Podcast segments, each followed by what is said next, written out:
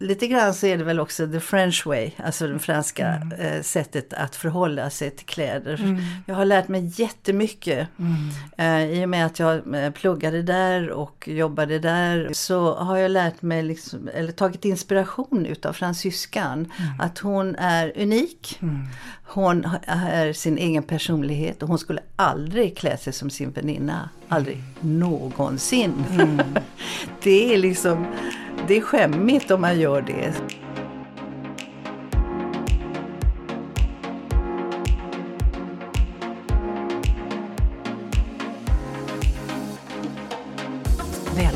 Till Inte bara kläder, en podd om klädstil och identitet där kända eller okända gäster får svara på varför de klär sig som de gör.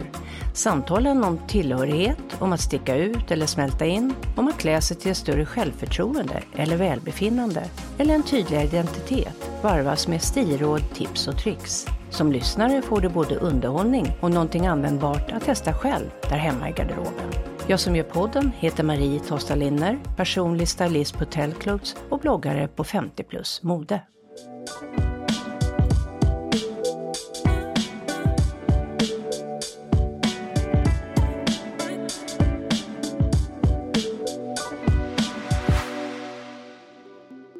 Gäst i poddens sjätte avsnitt är Kai Bond, välkänd modejournalist, författare och trendanalytiker. Med siktet inställt på framtiden har Kai arbetat runt om i världen och analyserat hur idéer, attityder, strömningar, ekonomi, politik och värderingar förändras i samhället och hur det kan påverka uttryck i mode, kultur och design. Kai Bond startade modemagasinet Klick och ledde programmet Modemaffian. Hon har bevakat internationella modescener och skrivit böcker om mode och jobbar nu också som föreläsare och kurator. De många åren i Paris har format hennes samhällssyn såväl som hennes klädstil.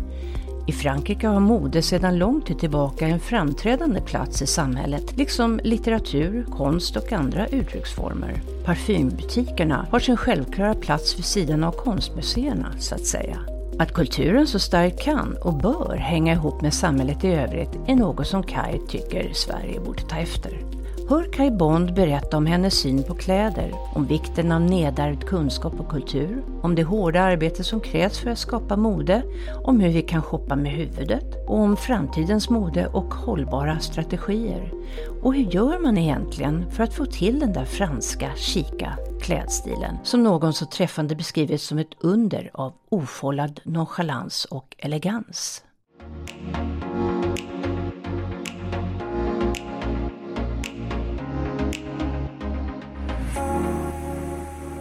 Så, Kai Bond, eh, vad har du på dig idag? Kan, kan, du beskriva? Ja, det kan jag, det kan jag göra. Ja, det, det tänkte jag inte på att du skulle fråga.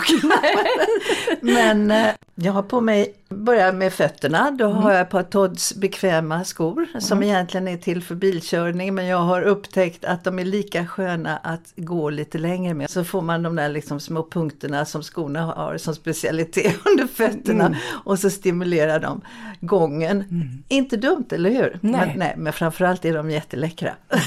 Verkligen.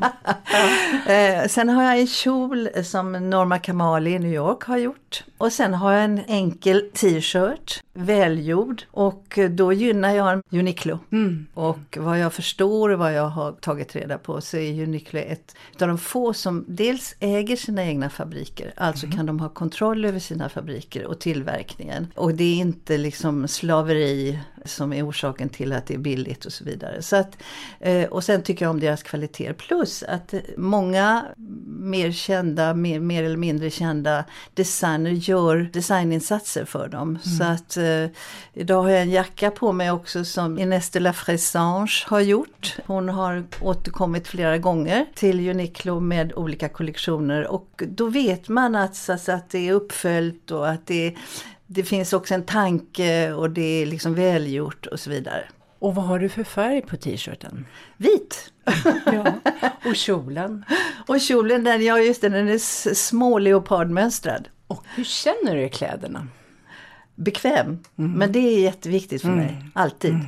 mm. Eh, eftersom jag står och går och pratar och liksom eh, rör mig väldigt mycket så, så är det ju viktigt att mina kläder, alltså jag inte ska behöva tänka på hur det sitter. Mm. Men, eh, nej, men i princip så ska det vara bekvämt. Mm. Så du kan glömma kläderna? Kan, ja, det, mm. precis. Det ska inte ta så stor del utav, utav hur jag agerar under dagen. Mm.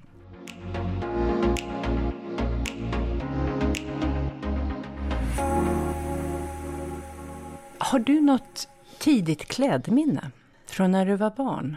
Jag är uppvuxen med en mamma som var väldigt intresserad av kläder, skor framför allt.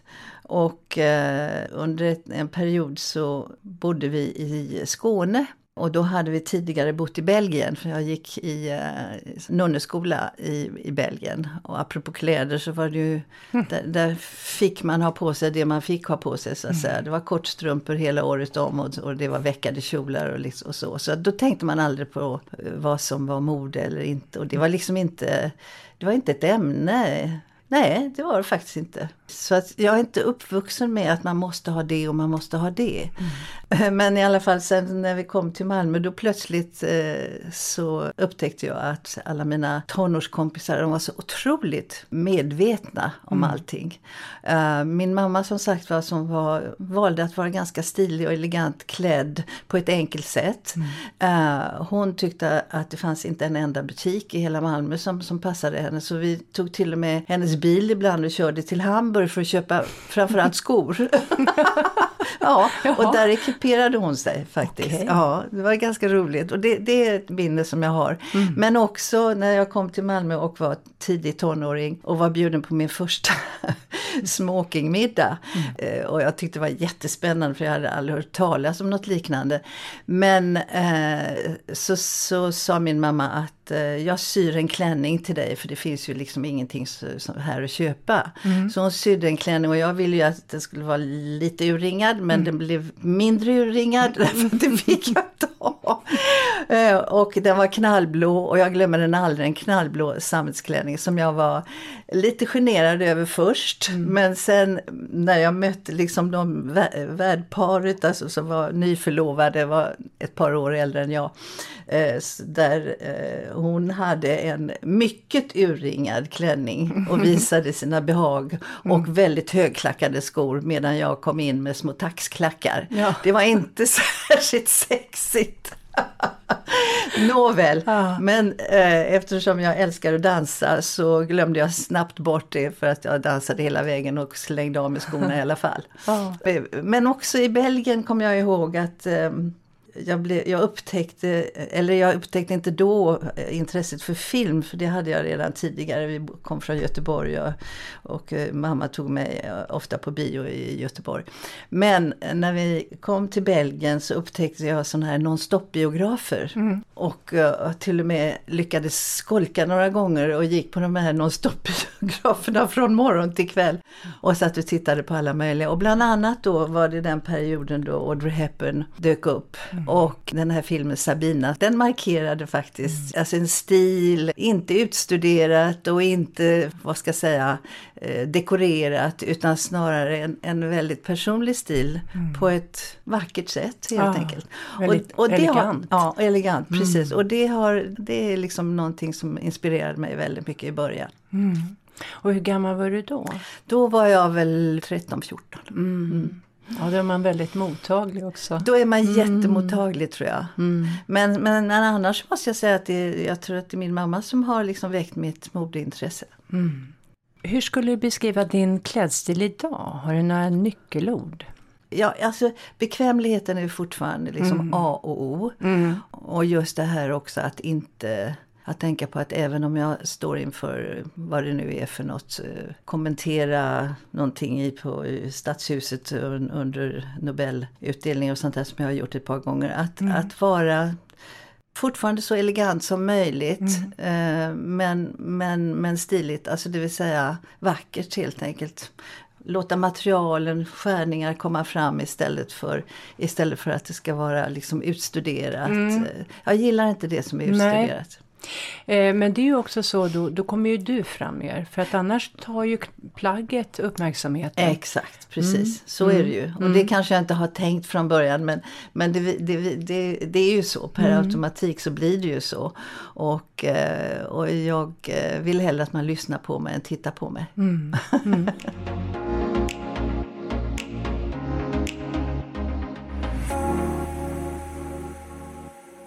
Och sen har jag förstått att kvalitet är viktigt för dig. Ja, det är en självklarhet. Mm. Och förutom den uppenbara eh, vinsten av kvalitet, varför tror du det är viktigt för dig? Ja, men alltså eh, vad ska jag säga, det här med, med eh, kläder och mode och hantverket, det är ju, så att säga, det är ju seriöst. Det är ju mm. liksom en, en seriös verksamhet och det finns så väldigt många begåvningar och Eh, inom detta, detta skrå. Eh, så att, och det har man inte riktigt, har jag förstått, inte förstått i Sverige.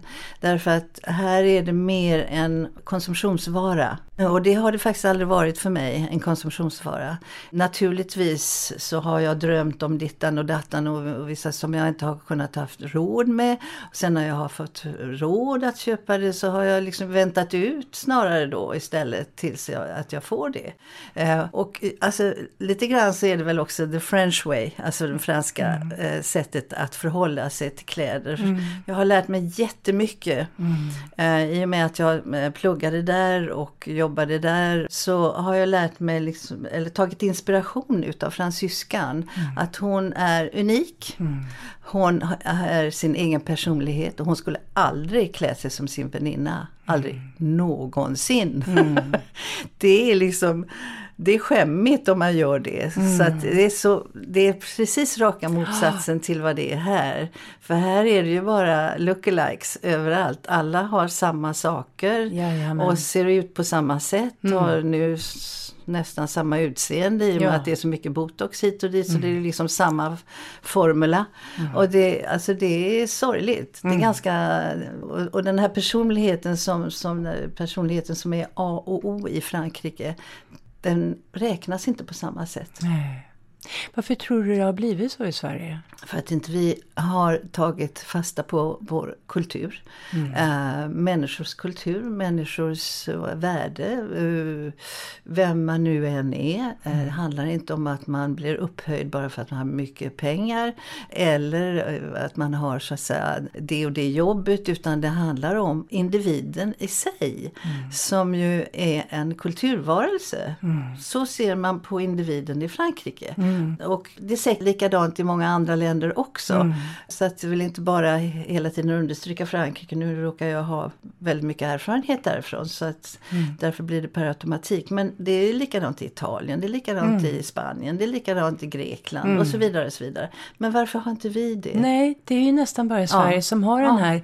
Eh, kan jantelagen ha med det att göra? Att, att det är att man tycker sig vara för mer om man är individuell i, i stilen också? Att sticka ja, och, ut? Och, jo men du, du, har rätt i det. Eh, och jag tror också att eh, Alltså den är ju förkastlig egentligen den, den lagen som, mm. som inte är en lag utan som, som människor själva har skapat mm. av ren eh, avundsjuka. Mm. Istället för att eh, jag menar om man är i USA exempelvis, mm. för vi kan ju tycka att, att Sverige är väldigt USA-influerat. Mm. Men där är det ju tvärtom. Där är det precis så att man, man stöttar varandra mm. och man är liksom väldigt positiv till mm. varandra. Så att, mm. att vi inte har tagit det till oss, det mm. förstår jag inte. Nej. Utan det är bara det här med masskonsumtion som vi har liksom anammat och tycker att vi var ju faktiskt, vad är det nu, 60-talet, vi var ju det första landet i Europa som anammade här köp, slit och släng.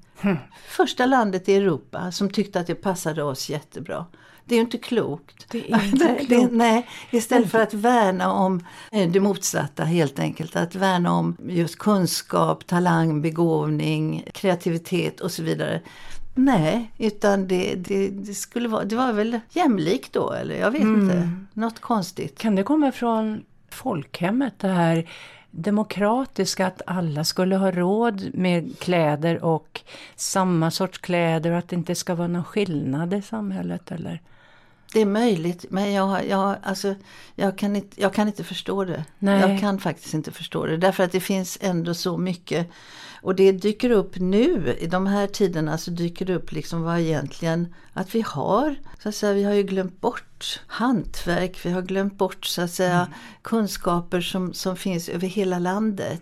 Vi börjar i och med den här miljömedvetenheten så har vi ju börjat förstå att saker som plötsligt inte hade något värde på grund av masskonsumtion har ett värde, har ett ursprung. Och det är ju Sverige har ju också, och människor har ju ett ursprung. Och det är det vi måste värna om så att säga. Och då, då finns det vissa traditioner som olika hantverk som är så spännande i Sverige som man kan ta fram. Men det har inte varit comme il faut förrän egentligen det senaste året eller åren faktiskt. Att, Precis. att, upp, att uppmärksamma detta. Och då, och då blir det också lite halvlöjligt för att dessa personer som utövar de här konstnärligare kanske eller hantverksyrkena, de har ju hållit på så hur länge som helst. Och nu plötsligt är det så dags. och det kan ha med Ja. mat att göra, det kan ha med liksom konst att göra, det kan ha med ja, handarbete och så vidare och så vidare. och Så vidare. Så det, det, det är jätteintressant att se vad, hur inställningen ändå liksom har varit och hur grundad den är just i, i det där att man inte får tycka så och så utan man ska tycka samma. När man utnyttjar människor för att skapa liksom billiga produkter för att man tycker ha sig rätt att handla till ett billigt pris. Det tycker jag är förfärligt. Det är förfärligt. På bekostnad av vad då? Mm. Och så drivs vi av själva shoppingen, Ja. inte våra behov. Nej. Vi sitter inte hemma och tänker, åh jag skulle behöva en sån och sån sak, Nej, utan nej. man går ut och Ja. ser vad man får Det är med som sig en hem. sysselsättning. Ja, gör fransyskor det? Ut och shoppa bara för att shoppa? Eh, fransyskor går ju gärna, även om de inte har råd, så går de gärna i de bättre butikerna och tittar, får inspiration. Eh, och varuhusen har ju också varit, eller är fortfarande inspirationskällor för, för människor. Så att man ser att det kanske, och det är väl någonting som också marknaden har beklagat sig över eh, senare tid, att människor eh, liksom går och tittar och hämtar inspiration. Kanske kommer tillbaka men kanske inte alls heller utan för att de vet att de inte har råd med det. Därför att det är också så att, att idag eh, när man tänker på märkesvaror och så vidare så är det ju, har det blivit liksom ett lurendrejeri egentligen. En, en väska från Gucci ska inte behöva kosta 75 000 spänn. Därför att jag menar, vi, vi är nog ganska många som vet vad det kostar att framställa en sådan. Och att det kostar så mycket bara för att man ska marknadsföra dem. Alltså det är någonting som inte går ihop. Det gäller ju inte bara Sverige, det här gäller ju hela världen. Men det är också en inställning som har varit jag märker att den håller på att sinar. Men det har varit så att man till syvende och sist hela tiden ska visa vad man har och var det kommer ifrån. Och att det är jättedyrt. Eh, Det har varit liksom en grej.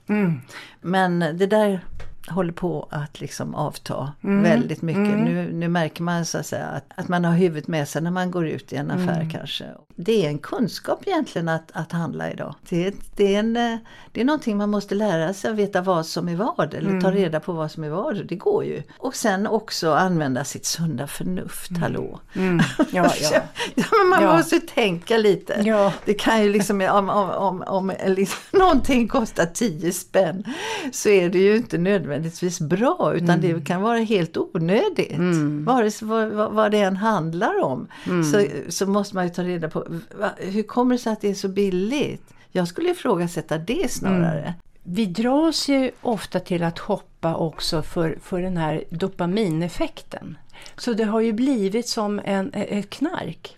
Eh, och det är väl förmodligen därför man shoppar något som kostar 10 spänn. Bara för att man vill hålla uppe den här nivån. Mm. Ja, det är, det är nervöst. Det är alldeles riktigt. Det är ju ett missbruk.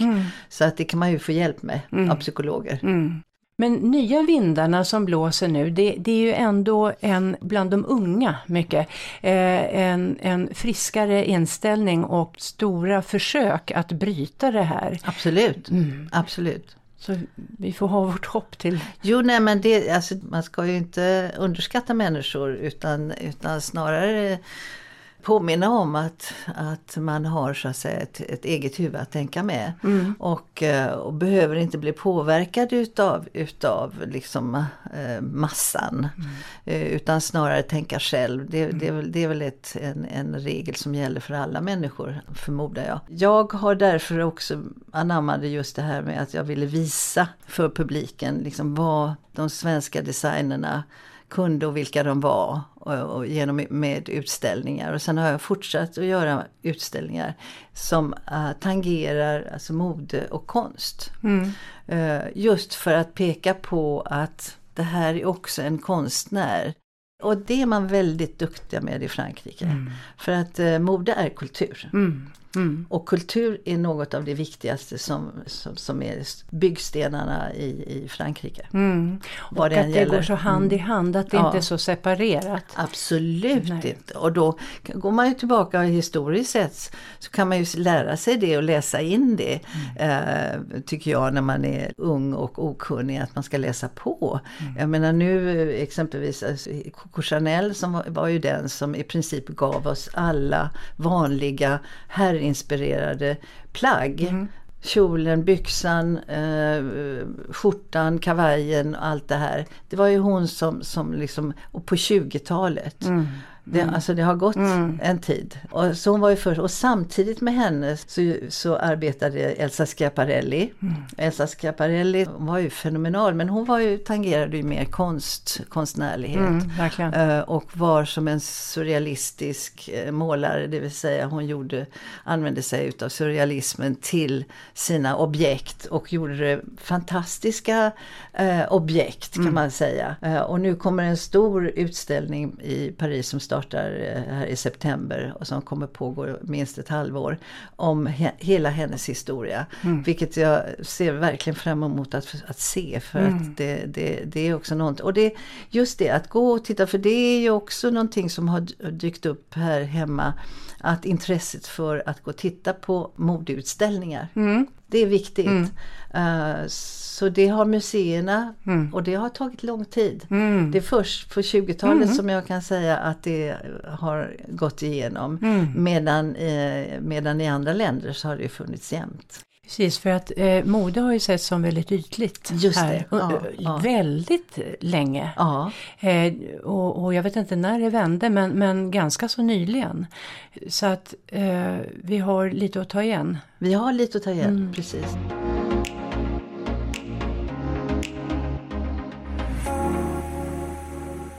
Jag tänker på din stil. Är det så att du kan liksom ringa in din stil med några ord genom några du har inspirerats av? Förutom fransyskan då som jag i princip... Nej, om det, alltså en speciell stil sådär. Alltså det är så individuellt så det är svårt att säga det. För att jag tror mig liksom ha hittat min egen stil. Va? Och jag går inte igång på när man säger att det skulle passa dig eller du skulle ha det och så, så.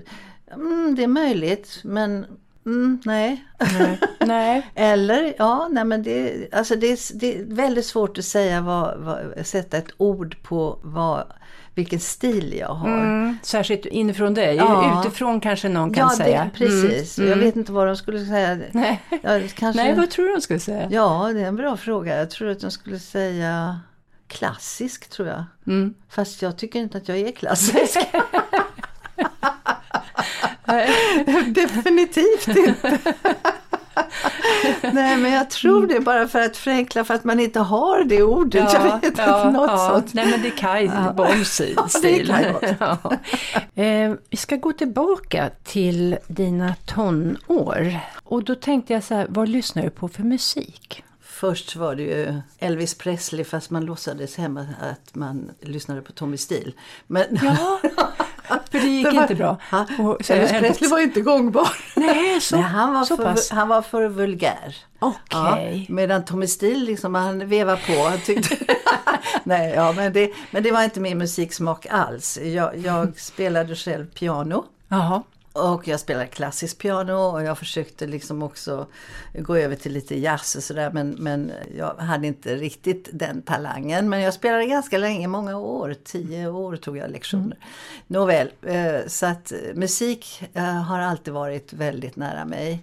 Eh, och sen så blev det liksom soul därför att jag började dansa jazzbalett. Och jag, alltså då var det Marvin Gaye och det var liksom Earth, Wind and Fire och allt det som, som hörde till den rytmen som jag gillade att dansa mm. till. Och när jag flyttade till Stockholm så var jag en adept till Graham Tainton som hade mm. fantastiska jazzklasser, eh, mm. vilket var urkul. Men så att jag har, jag har alltid varit vild och dansat. Ja, har jag alltid och det har varit liksom det bästa jag vetat. Som tonåring bodde i, i Malmö så var, fanns ju ingenting nästan i Malmö överhuvudtaget att göra när det gällde, det fanns liksom en klubb, Hot House som det hette, där vi dansade ja. på söndagar. Och dit kom då massa jazz, eh, det var ju Dixieland och det var andra jazzsorter. Men vi åkte över till Köpenhamn, gick på Montmartre och Vingården. Mm. Mm. Och, och, där fick man också en, en jazzkultur som, som, jag har, som jag har bevarat, som jag tycker är,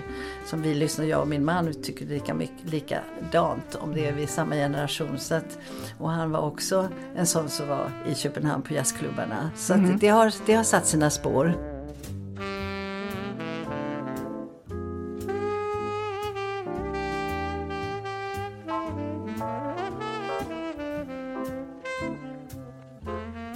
Hur ser en trendanalytikers vardag ut? Alltså vid det här laget så vet jag ju nästan inte när jag är, jobbar och är observant eller inte. Mitt jobb ingår ju i mitt liv mm. och min, vad ska jag säga, bevakning eller min uppfattning, alltså det jag snappar upp, det är ju det, är det som är... Alltså jag ser ju väldigt många utställningar, jag går på olika event, jag ser mycket teater, eh, jag läser eh, och så vidare. Och allt, alla de kulturyttringar som behövs för att skapa en samtidsanalys. Mm. Uh, och den behöver ju inte nödvändigtvis bara handla om, om mode, inte alls. Utan samtidsanalysen, det är liksom det ena påverkar det andra. Mm. Och det fick jag också lära mig när, när jag fick uppdraget att börja arbeta för en trendbyrå. Den första trendbyrån uh, som startade i Paris. För de visste att jag kom från Skandinavien mm. och de ville gärna ha med det skandinaviska i en,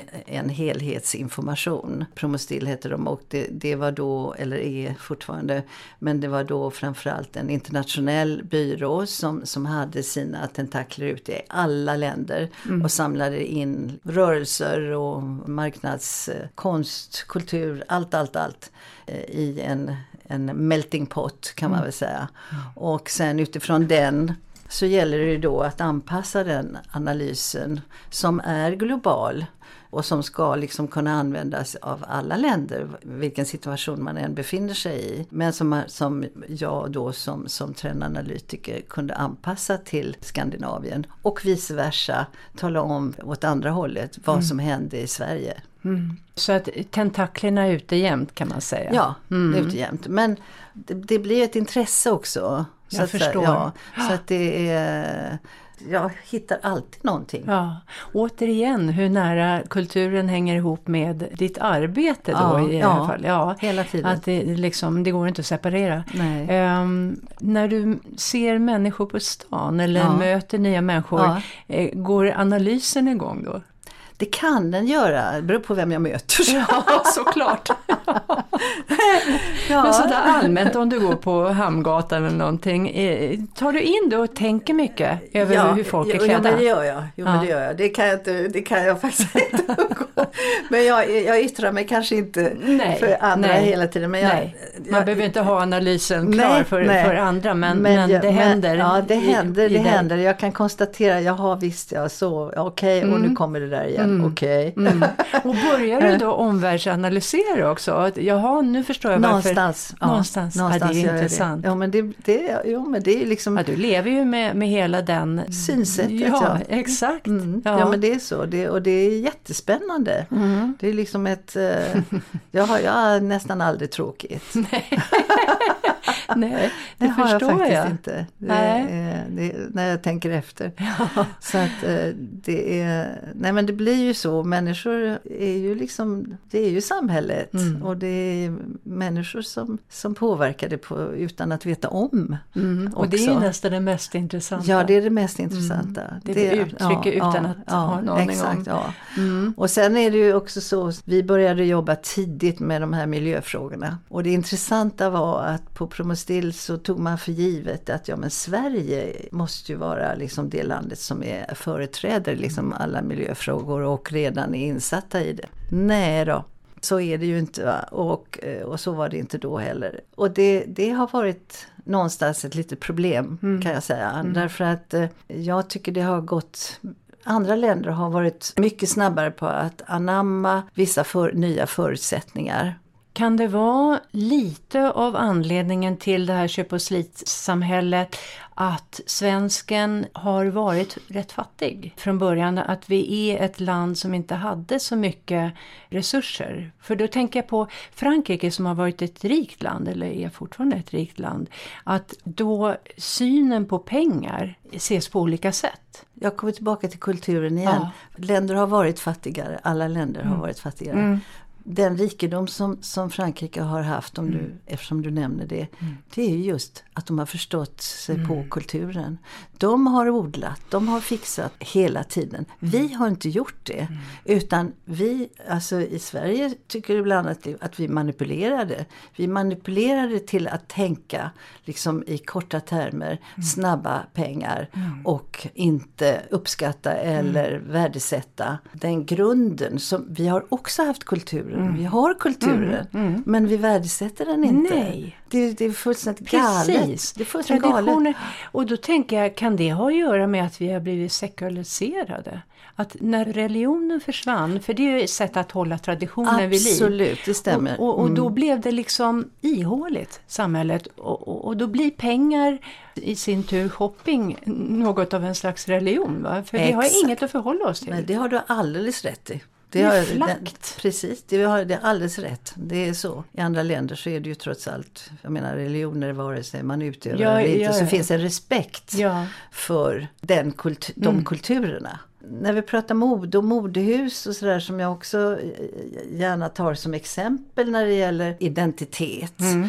Det är ju inte en tillfällighet så att säga att det är så starka identiteter i de olika modehusen. För de företräder ju också någonstans sin egen kultur. Alltifrån Coco Chanel då, alltså Karl Lagerfeld som har varit, som var tills han dog, otroligt eh, respektfull för hennes ursprung och henne, och det är fortfarande det. Nu är det en, en, en ung kvinna som har jobbat med Karl Lagerfeld i 25 år som heter Virginie.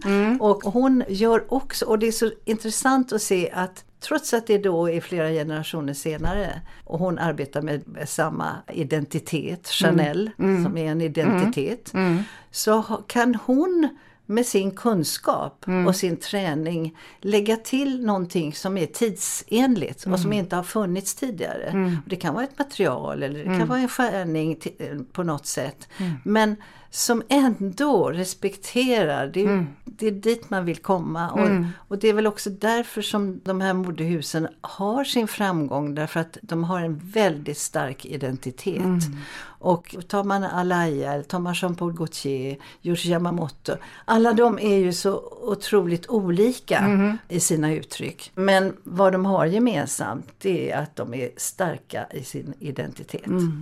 Ja, Och så det- man kan och det är se vad det är, Och kommer det, är, ifrån. och det är ja. kultur. Mm, precis. Det är den där substansen Ja, exakt. som Absolut. måste ja. vara med. Och det är danskarna jätteduktiga Ja. på. Det är så man ser, man tänker, ah, det där är Mm. de och det är de och sådär. Ja, det är jätteroligt.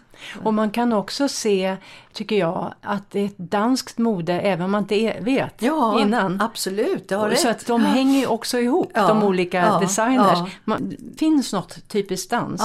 Det det och det verkligen. gör det väl i och för sig i det svenska också. Ja, det, Eh, det borde det göra. Det är lite mer minimalistiska, lite Vi mer, har sådär ju- lite Filippa K. Om man, eh, det började väl där någonstans. Ja, just det. Filippa som kommer ju från det som är tvär, var tvärtom, gul och blå. Mm. Det är ganska intressant intressant egentligen att du nämner det. För Filippa hon, hon rationaliserade bort gul och blå-tankarna mm. ifrån det som hon skapade. Men det fanns ju en marknad för det och, det och hon förstod ju också någonstans att den svenska kvinnan ville vara lite som hon. Mm. Enkel, självklar. Och det ligger väldigt mycket i det där med att man inte, för de som inte vill uttrycka sig med kläder om jag säger så. Mm, uh, exakt, ja, individualismen ja, igen. Ja, exakt. Mm så skapade hon ju ett format som fungerar väldigt bra. Mm. Och som, där det alltid finns en, en publik så att mm. säga. Ida Sjöstedt gjorde sina prinsessvarianter i, och som, som också fortsätter. Hon har fortsatt med det och det fungerar jättebra. Mm. Nu finns det en ung tjej som är jättespännande som heter Louise Chin som är född i Kina men som kom hit med sina föräldrar efter kulturrevolutionen. Fem år var hon och jag har hade med henne i somras i en, en liten utställning och lärde känna henne lite grann. Och hon kämpar ju för väldigt mycket för en väldigt viktig fråga och det är ju så att inrätta en lag som förbjuder att eh, anställa eh, kvinnor som slavar mm. i, i textilfabriker. Mm. Och den har har de fått igenom i Bryssel så nu ska hon ha en, en litet symposium här som jag har blivit inviterad att, att vara med i under modeveckan och berätta om det samtidigt som hon visar sina enastående skapelser. Mm. Och som hon inte säljer men som hon hyr ut. Ja, ja Vilket. Alltså det är så smart. Ja, så... ja, och det är aktivism. Ja, det är aktivism. Hon är, det, ja. ja. hon är, hon är en aktivist, mm. det är hon verkligen. Mm. Och sen är det liksom, det är som att trycka på en knapp.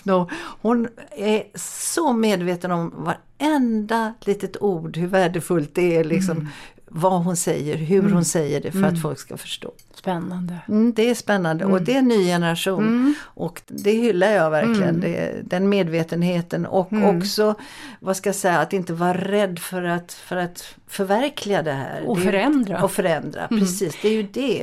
Och viljan. Och viljan också. Och det är ju så att vad, vad, som är positivt med Sverige det är att allting går egentligen att genomföra. Det är ju ett ganska öppet mm. land. Mm. Men, men ändå så sker inte det på samma sätt som det gör i andra Nej, länder. Det är märkligt. Det är ett öppet mål. Ja, det precis. Kanske motståndet måste till ibland för att man ska... Möjligt, jag vet inte. Att man blir extra ja, taggad. Ja, jag vet inte. Nej.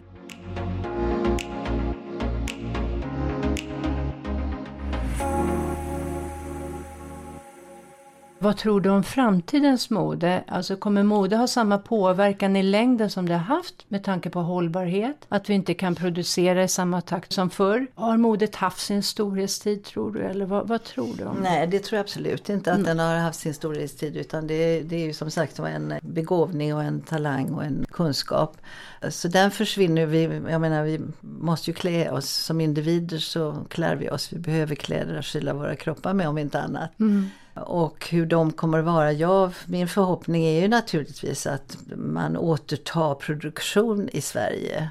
Mm. Att man, och att inte det behöver vara i de där stora gigantiska skalorna. Mm. Att man måste liksom skapa så många exemplar utan att man förenklar och istället har bättre innehåll. Mm. Eh, att man också kan lära sina kunder med reklam och marknadsföring mm. eh, att det inte är nödvändigt att handla varje dag. Mm. Utan att man tänker igenom det man behöver och att man blir inspirerad av de designerna som jobbar på det sättet och tillverkar i Sverige och har också en regelrätt inställning till miljö och alla de komponenter som krävs för att man ska vara miljövänlig eller som de använder sustainable, mm. Hållbar. Självklart ska föremål och eh, produkter vara hållbara. Mm. När, när började man göra ohållbara ja. grejer? Jag menar, det är också patetiskt. Mm. Så, mm. så, att det hoppas jag för. Mm. Jag hoppas det. Men det finns ju en ny generation. Ja, Louise en av dem och det finns mm. många fler. Som jobbar med, medvetet med material. Alltså en större respekt för, för tillverkningen, Absolut. Absolut. hantverket, ja. produktionen. Vad kan vi lära av Kai? Tänk på att vi konsumenter kan påverka tillverkarna. Ju klokare och mer eftertänksam medveten shopping, desto bättre blir din påverkan. Genom att shoppa bara när du behöver och att du då väljer produkter av hög kvalitet med ett schysst ursprung, så främjar du rätt krafter. Lär dig modehistoria. Med en djupare kunskap och förståelse för mode och historia kan vi bättre ta till oss och välja av det som finns idag. Så hur klär sig då den franska kvinnan? Hon satsar på enkelhet och kvalitet och känner sig inte tvingad till att köpa roliga kläder. Hon litar på att det blir bra ändå. Och hon låter klokt nog accessoarerna göra jobbet. Garderoben är utpräglat klassisk och går att kombinera i oändlighet. Fransyskan lägger stora pengar på kvalitet och sparar slantar på plagg eller accessoarer som inte märks om det kommer från en dyr eller billig butik. Hon kan sin kropp, både vad det gäller förtjänster och mindre smickrande delar. Hon vet vad som klär henne och vad som stämmer med hennes livsstil och stannar troget kvar vid detta. Hon odlar sitt personliga varumärke genom att bära samma parfym genom åren och hon bär gärna ett signum i form av ett smycke eller en frisyr. På så sätt nöts hennes personlighet liksom in i den närmsta omgivningens medvetande.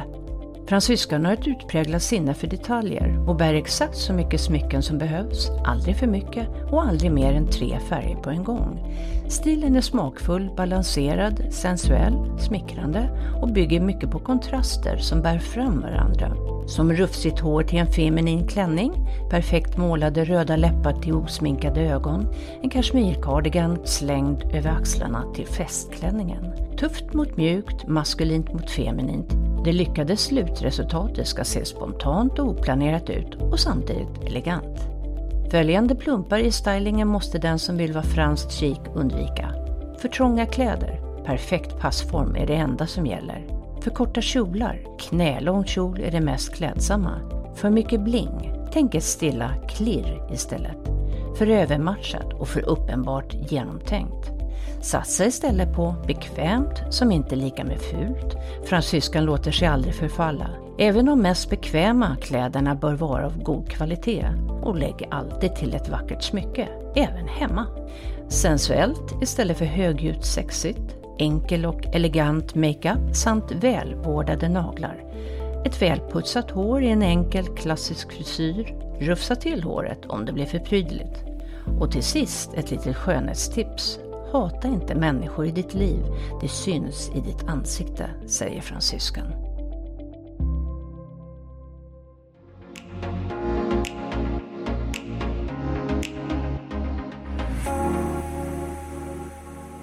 Vad vet du om kläder idag, privat sett, som du inte visste när du var yngre? Det kan vara också något du har lärt dig om din egen garderob, jag har väl gjort mina misstag när jag var yngre självklart. Så, där, så fort, fort på mig en alldeles för trång, eh, för att det ska sitta, det ska vara och så vidare. Och insett att glöm det. du har dina höfter, ja. du kan inte göra någonting åt det.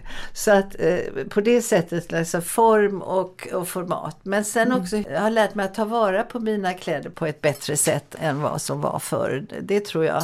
Och, och eh, lärt mig hur man liksom sköter sina kläder. För att det, det, har jag också, jag har alltid varit mån om att göra. Mm. Speciellt eftersom jag handlar kvalitet. Så att då lär man sig det. Men sen, sen via vissa, det finns ett, ett företag i Frankrike med en kvinna som, som gör lite större produktioner. Hon heter Agnes B, mm. ett märke.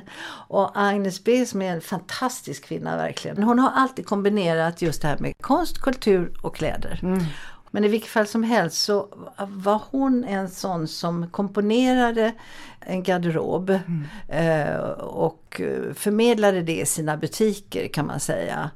Hur man bär och vad som hör ihop och på ett ganska enkelt och sen med en liten utstickare på något lite tokigt mönster i någon blus eller något sånt där. Men som en komponent bara. Mm. Och just det sättet att klä sig, att, att man blint kan gå in i sin garderob, ta någonting eh, och skapa en sån garderob. Mm. Det tror jag att jag har lärt mig. Mm, vad kul! Mm. Och du handlar kvalitet och då håller ju plaggen eh, ja. länge såklart. Vad är det äldsta plagg du har? Något plagg du använder som har hängt som med i många år?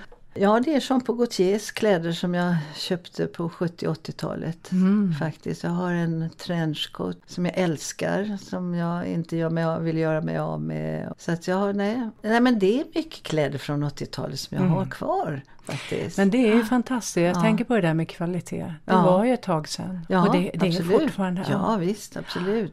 Och ju där, där har vi verkligen något att lära. Tänk om man kunde bygga upp en garderob på det viset. Ja. Nu igen, Ja, så att säga. precis. Det var bättre då på 80-90-talet därför att då var det kanske rätt pris för rätt vara.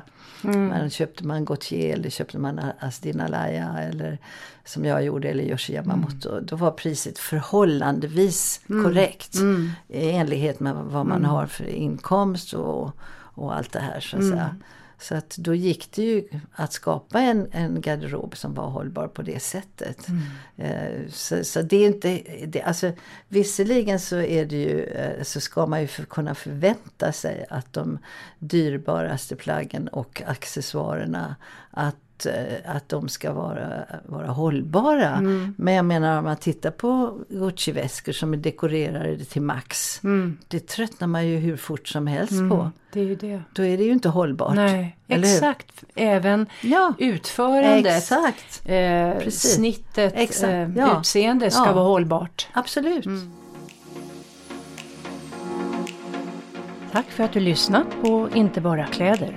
Se bilder på dagens gäst i olika outfits genom livet på poddens hemsida tellclothes.com slash inte bara kläder eller Instagram och Facebook at inte bara kläder.